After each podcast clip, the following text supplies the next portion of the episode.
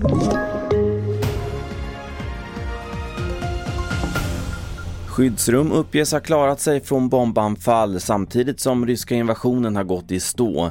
Och svenskarna vill att fler gör värnplikten.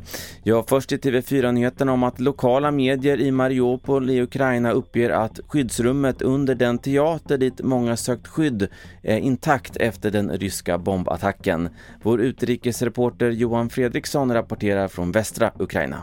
Så den senaste siffran som nämndes var att det var 130 personer som eh, evakuerades i detta nu och att evakueringen fortsätter. Eh, det som är då anmärkningsvärt är att man inte rapporterar om några dödssiffror.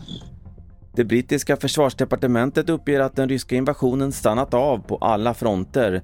Enligt en rapport har ryska trupper gjort minimala framsteg på land, hav och i luften samtidigt som de lider stora förluster. Vår utrikeskommentator Rolf Porseryd. Den här rapporten får ju anses som mycket trovärdig. Det vi har sett och det vi kan förstå från alla de informationsinhämtningar vi kan göra från olika håll har ju visat att den eh, ryska invasionen har gått i stå. Enligt en ny SIFO-undersökning beställd av TV4 vill en majoritet av alla åldrar och kön att Sverige ska utbilda fler värnpliktiga. Men kraven skiljer sig bland åldrarna. Bland tillfrågade under 30 år tycker bara 22 procent att en majoritet av befolkningen ska göra värnplikt. Samma siffra är hela 60 procent bland dem över 50. Så här säger några av dem vi pratat med på stan. Vi är mer under ett hot så att det borde vara fler som gör det så att det finns fler som kan skydda. Skulle du kunna tänka dig att göra värnplikt? Eh, ja, faktiskt.